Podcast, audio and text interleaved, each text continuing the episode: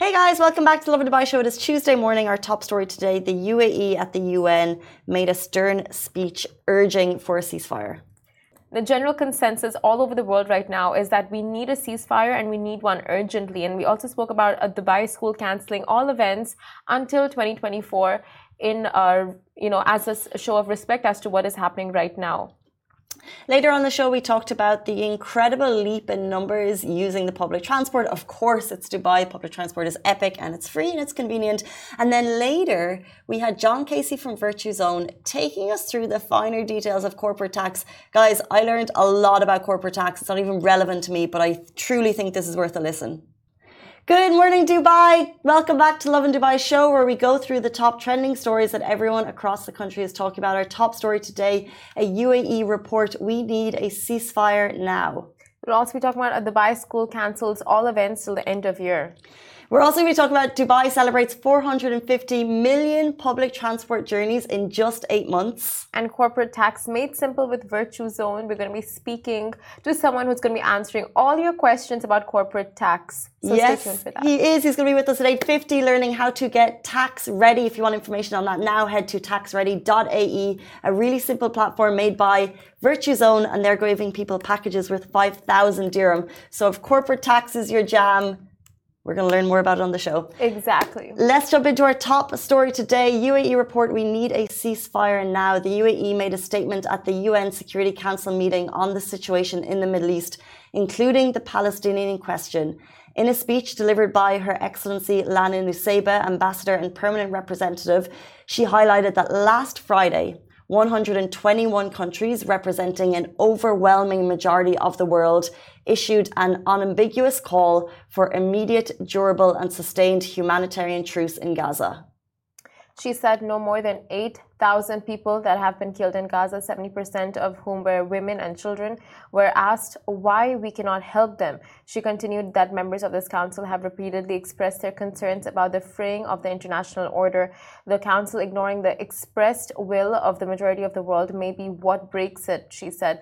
We need a ceasefire now. We need to ensure that safe, sustained, and at scale humanitarian aid reaches Gaza right now and that access to electricity, clean water, and fuel is restored now. I think from everyone sitting here in the UAE, we're very proud of the stern approach they took in the speech. Uh, she also highlighted the horrific attacks.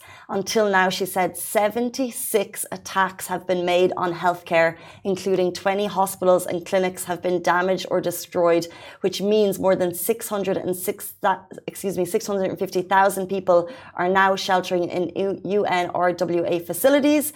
And finally, she summarized, we do not serve Israel's security by enabling this to go on. She said, we cannot reverse the heinous October 7th attacks by condoning this war in which civilians are now paying the price. And that's what we're seeing daily. She said, ignoring what could happen day after day will have devastating consequences, not only for Israelis and Palestinians, but for the prospects of peace and stability in our region. She basically said, look, 121 countries have already asked for a ceasefire, a couple have not, but we need to make that happen and we need to make the hard decisions now. Exactly. Exactly what Casey said, and it's like the general consensus. Like everyone right now is just praying and begging for a ceasefire, so no more civilians are harmed in this, uh, you know, in this showdown between governments. So, um, speaking of which, uh, Dubai school cancels all events, and we'll be telling more about that. So, GEMS Dubai sent an email announcement yesterday to all parents informing them that all upcoming events from now until the end of the year will be cancelled due to the situation in the region. An email to parents reads We would like to inform you that due to the ongoing conflict in our region, all GEMS wide celebratory events are cancelled until further notice. This has followed much careful consideration by GEMS Education, and they reiterated it is not a decision taken lightly. Please note it's affected immediately. Now, this was sent yesterday, which means fall parade, costume day, class parties, and holiday decorations will be cancelled for today, October 31st, which of course is Halloween.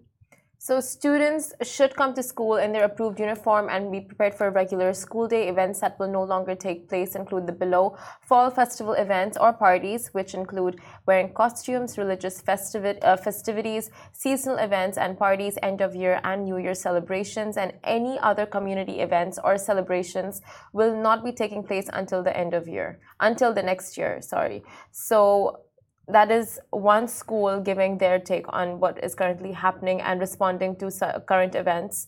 And we may see more schools following suit big mixed bag of opinions on this one. Uh, it's all in uh, the Lovin Dubai comments, as you can see if you want to check out. You know, some people are saying, you know, why um, should kids not be able to celebrate uh, what is a great Halloween, uh, what is a great um, festival? Uh, it's non-religious. But then, you know, someone else said, um, look at what American University of Sharjah have done. They um, uh, turned all events into fundraising events. Mm-hmm. So students have been donating and helping with voluntary work on a daily basis. Um, look, it's actually people say it's a mark of let's respect schools for making uh, a tough decision when genocide is happening. You know, let's respect that. Um, however, there's other ways that could we could channel our uh, energies into something maybe more productive. Exactly, I, I do agree with that because there's only so much you can limit kids to, and that too with like um, schools, and it's uh, schools are an escape for children. Not only it's okay, first of all, you're learning so much in schools. You're going there for learning purposes, but then at the same time, you're going there for um, you know like personality building. You're going there to just be with friends, away from a different environment of what what's happening at home, what you're seeing at home, the struggles at home. You want to be away from all that when you're in school. You want to be in a completely different environment. And um, I think teaching them personally what I think, like, you know, with the fundraising and actually using these events for knowing that you're going to be uh, making something out of these events. It's not just, you know, a frivolous go in wearing a costume, you're having candy with your friends. Like, all that's great, but then you're doing it for a bigger and better purpose. I think that just. Um, instills a lot in a child, you know, like gives them a sense of purpose. It's so true. And look, if you read over the email, you can imagine this was not a decision taken lightly by the school. How could it be? You know, you're dealing with, you know, children and emotions and, you know, they reiterated that it was a difficult decision. And then maybe the question mark was like, you know, why connect Halloween? Why not just leave it behind? I just think um, they made a really tough call in respect to something that's horrific that's happening, uh, unfolding in front of our eyes. So I really respect that call. I would just say difficult imagine if you're a parent and if you're a kid, like I was planning, you know, Halloween in advance when I was younger for weeks in advance, yeah. you know? So to get the email yesterday that they couldn't come in today, I think that was a, that was, I think timing wise, a yeah. little bit tricky. Honestly, if my heart goes out to kids in, you know, like just today's generation, like those in schools and universities, it's, it's a very tough period. The last couple of years have been so tough. Uh, whether, you know, like, you're in a place of conflict or you're out of the place you know of conflict and you're watching it unfold it's just so like it drains a child you know like with so much happening over the years it's um, i feel like a lot for these kids to take in that's so true. I remember I have specific memories of growing up when you know there would be uh, something horrific happened in the world, and I remember watching that unfolding on TV in the news. Yeah. I think everyone does, but but now it's just event after event after event, and scary image and you know graphic images being presented to you. So it is much trickier. I agree. Yeah. Oh my God, these poor kids. Uh, but we will jump into a much uh, lighter news. Dubai celebrates 450 million public transport journeys in just eight months. It just shows the growth of the city is way more than any of us can imagine. Now, Dubai's love affair with public transport shows no signs of waning as the city recently celebrated an incredible milestone. A staggering 450 million riders embraced the city's public transport system during the first eight months of 2023, marking a whopping 12% year on year increase. When it comes to Dubai's preferred way of getting around, Dubai Metro takes the crown, serving an impressive 167 million passengers. And let's not forget the city's trusty taxis, which were instrumental in facilitating the journeys of 130 million users alongside the equally dependable public buses, which ferried 111 million commuters. That is so interesting in terms of the numbers of people on the metro versus taxis. I would have, if you, I would have assumed that uh, the metro would have far outweighed uh, number of people. So what we're looking at 167 million people on the metro versus 130 million on taxis. Mm-hmm. No wonder we have so much traffic. Dubai's marine transport was not to be left behind. Of course, 11 million passengers opted for the scenic commute via the city waterways. Imagine if that was your commute. Yeah. Because it's such good value and you get to just be on the gorgeous waterways. Meanwhile, the ever efficient Dubai tram served 5.6 million riders, proving its worth in the city's growing public transportation network. However, it's not all about traditional modes of transport, as shared mobility solutions have found their place in the sun too. So e-hail, smart rentals, and innovative bus-on-demand services collectively cater to around 26 million passengers, highlighting the evolving landscape of public transportation. These impressive statistics come to us from Dubai Roads and Transport Authority, which is the RT, aligning perfectly with their 18th anniversary celebrations and the 14th Public Transport Day initiative, the campaign titled Gym on the Go, encourages public health and fitness as a vital aspect of community life. So happy birthday to the RTA. They're on a mission to realize Dubai's ambitious vision of transforming 25% of all mobility journeys into smart self driving trips by 2030. That's mm-hmm. not that far away. They've already taken significant strides in this direction, preparing digital maps to facilitate cruise autonomous vehicles operation. Exactly. And we know outside of the US, Dubai is the first city to be doing this. And uh, exciting times, you know, for these things to be rolled out. Um, but yeah, like counting the number of tourists we have on a, you know, like compared to previous years like now it's it's like an influx of tourists influx of visitors and residents coming to you know take uh, make a home out of the city. And we're just seeing this in terms of transportation how much uh, the use of public transport has increased incredible. So, if ever in doubt, uh, hop on. Even if you just have visitors, by the way, I would just take them on the metro just to see it. Yeah. Try and sit at the front. Um, and then you get to see Dubai in a whole other way. Same with this isn't part of the RTA, but the monorail on the on the Palm. That's another great. The, the Dubai tram. They're all great just to, to give it a go and see the city in a different viewpoint. 100%. And I think the best way to. what, what I'm just thinking uh, if people are on public transport right now getting to work, and I'm like, yeah, go on a Sunday, enjoy it. And they're cramped around a lot of people. There's different times. I'm telling you, the weekend, Dubai Metro is the place to be. If you go early in the morning when it just opens, yeah, fabulous. yeah. Oh, yeah. On the weekends, yes. On the weekdays, questionable. Commute times, busy. Busy. Not commute times, popular tourist attraction. Uh, oh, yeah. But you know what? There's the gold class too, but that's also so crowded in the mornings. Okay, peak hours, reconsider if you're just going for a joyride. But I feel like the yeah. best way to actually map out a city and understand where the locations are is by using public transport, metro, trams, uh, metro, trams, then other places have other places have what like underground taxi tubes. Bus and taxi. Bus and taxi. No, no, no. I mean like the tubes. You know where you can see the maps and like you know exactly which stop and like you kind of see how the city maps out. Like when you take these tubes and stuff. I've never taken a tube anywhere other than Dubai. London. Haven't taken one yet. How did you get around London when you were in London without I getting on the tube? Shelled out a lot of money on black taxis. Black taxis. Until I realized Ubers are cheaper than black taxis. Black taxis are like the most expensive form of taxis in London. I know. I messed up. I didn't know. I didn't know. I didn't know any better. Because, you know, like in Dubai, right? Like when you hail a taxi, it's much cheaper than an Uber.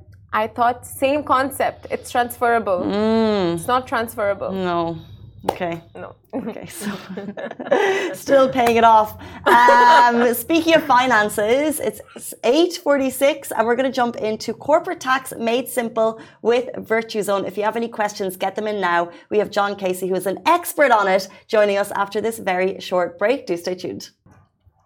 Hey guys, welcome back to Lovin Dubai Show. Are you confused about UAE corporate tax? Well, so are we. So we're about to dive into the wild world of UAE corporate taxes with the help of an expert. We have John Casey, Managing Director at Virtuzone Accounting and Tax on the show. Virtuzone have made an incredible whopping pledge that could see you get a free corporate tax package worth 5,000 dirham. Welcome to the show. Thank you so much for being here. Thank you. Thanks for having me. Good to be here. Let's welcome, go. Welcome, welcome. First of all, both of you look that side. Look, that's Casey. I just wanted to see who turned around first. Okay, love your shirt, by the way. Explain your shirt to us. Uh, this is our well, our campaign shoes. I think Dubai is probably the only place in the world right now you can say I love tax, and there's reasons for that because it is very lenient what's coming in. So you know, not too much panic. But I think it's you know very fitting. It really fits the tax nerd um, you know demeanor that I'm going for. Well, fitting in more ways than one. Tell us, why are we not scared about corporate tax? You said it's a good place to be talking about corporate tax. What is corporate tax? When is it coming in? And are we nervous? So the basic part of corporate tax, right, is it is a tax on profits. It's not like VAT where you pay it, you know, day to day. It's basically tax on companies on their profits at the end of the year. Okay. Mm-hmm.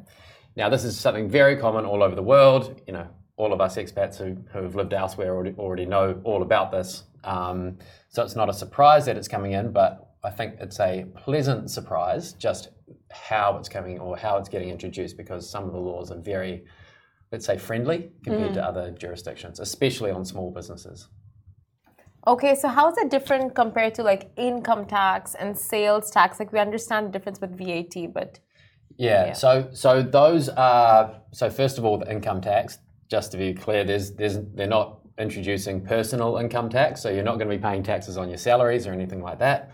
Um, sales taxes, well, VAT is a sales tax. That's something that, that's called an indirect tax, and we don't want to get too deep into that. But those are th- those indirect taxes are something that you sort of you have to register for when you hit certain thresholds or when you meet certain criteria. Corporate tax is completely different.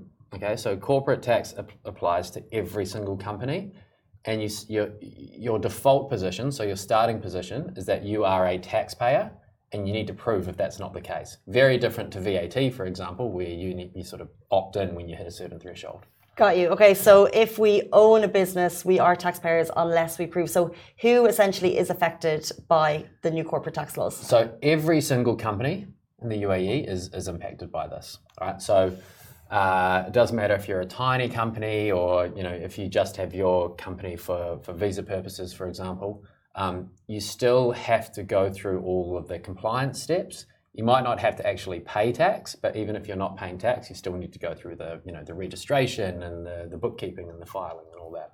so that is every single company across the board. There's no exemptions for this. There, there's no exemptions from uh, the, the compliance. There are absolutely exemptions from paying tax, but we need to be very careful, you know, very clear about uh, differentiating between the two.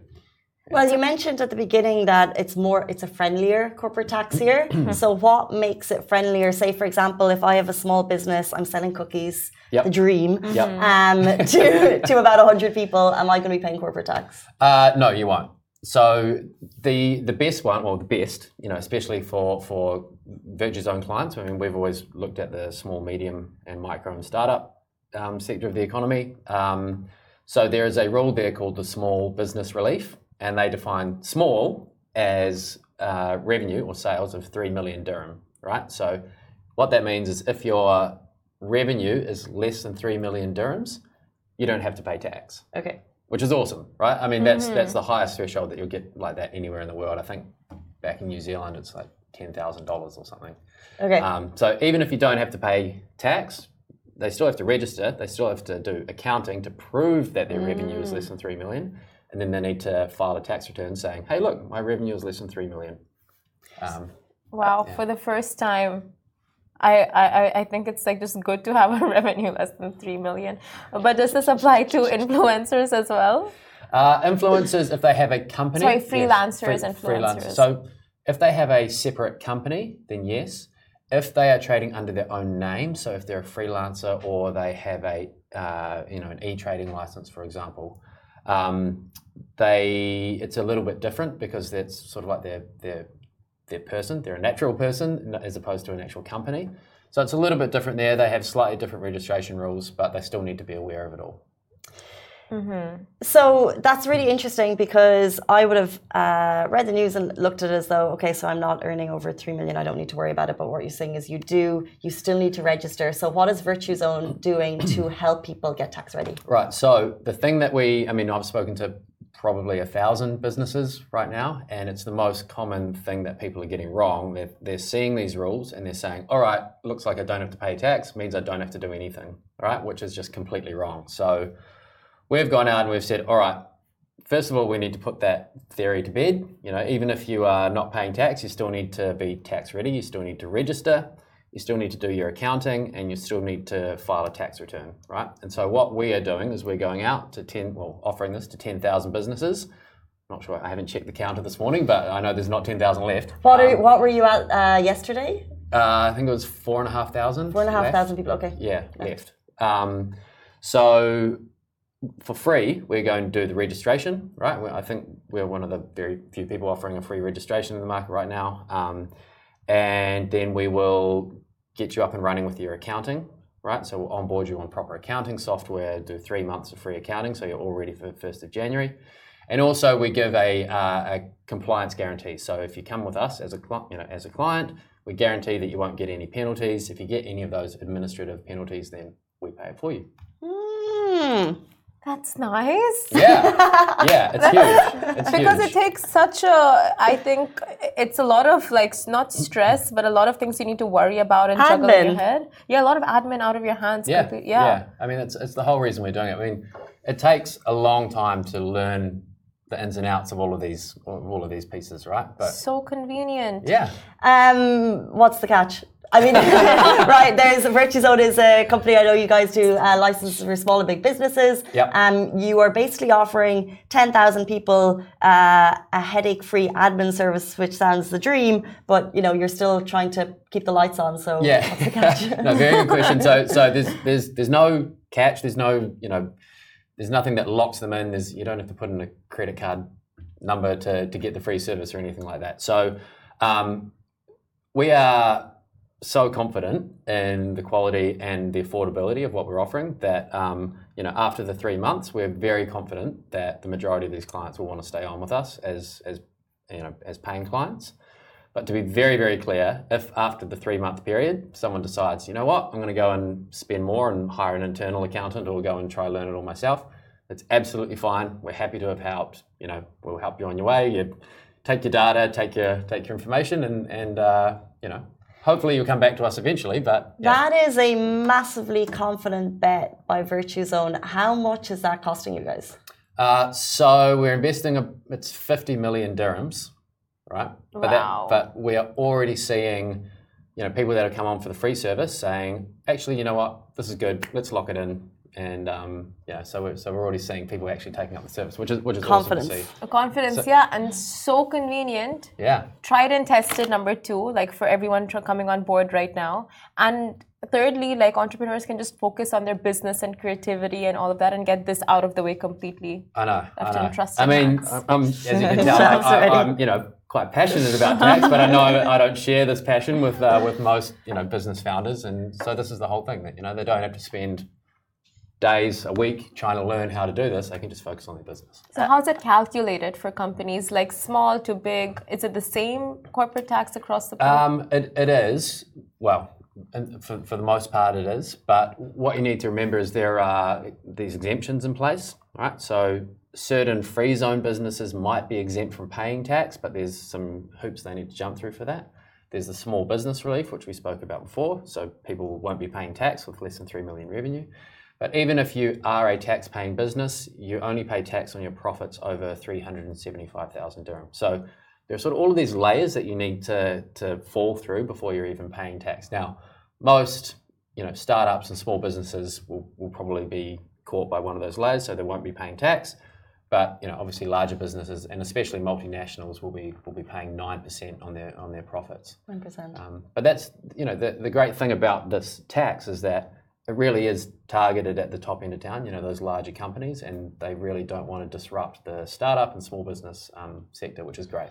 Mm-hmm. Well, the key thing I've learned from today is that even if you fall through the exceptions and even if you don't have to pay tax, you still need to get yourself tax ready. Absolutely. Which and is what I yeah would have missed. yeah, yeah, yeah, yeah. And and you know there, there are fines imposed if you don't do it, right? So there's no there's no excuse anymore. You know, it's not like you can say, "Oh, I didn't have the time to, to work it out." We're doing it for free mm. um, for you. So, you know, we don't want people coming to Now us. you and- really and- have and no excuses. Yeah, we don't want people coming to us in a year's time going, "Hey, I just got this fine. Like, what's you know what's going on?" We said, "Well, Told you we told guys. you, we told you, we're offering it for free as well." So, uh, So the package is worth uh, to any business owner. It's worth five k. And how can they take advantage of it? How can they get so it? they just need to go to taxready.ae, and it's very simple. Just put in your details, you receive a link, and then you need to just go through the process, uploading some documents and everything, and uh, we take it from there. It's as simple as that. Very Oh, simple. Until it gets to a cap, Yeah, right? and- So Oh, oh, there's the catch.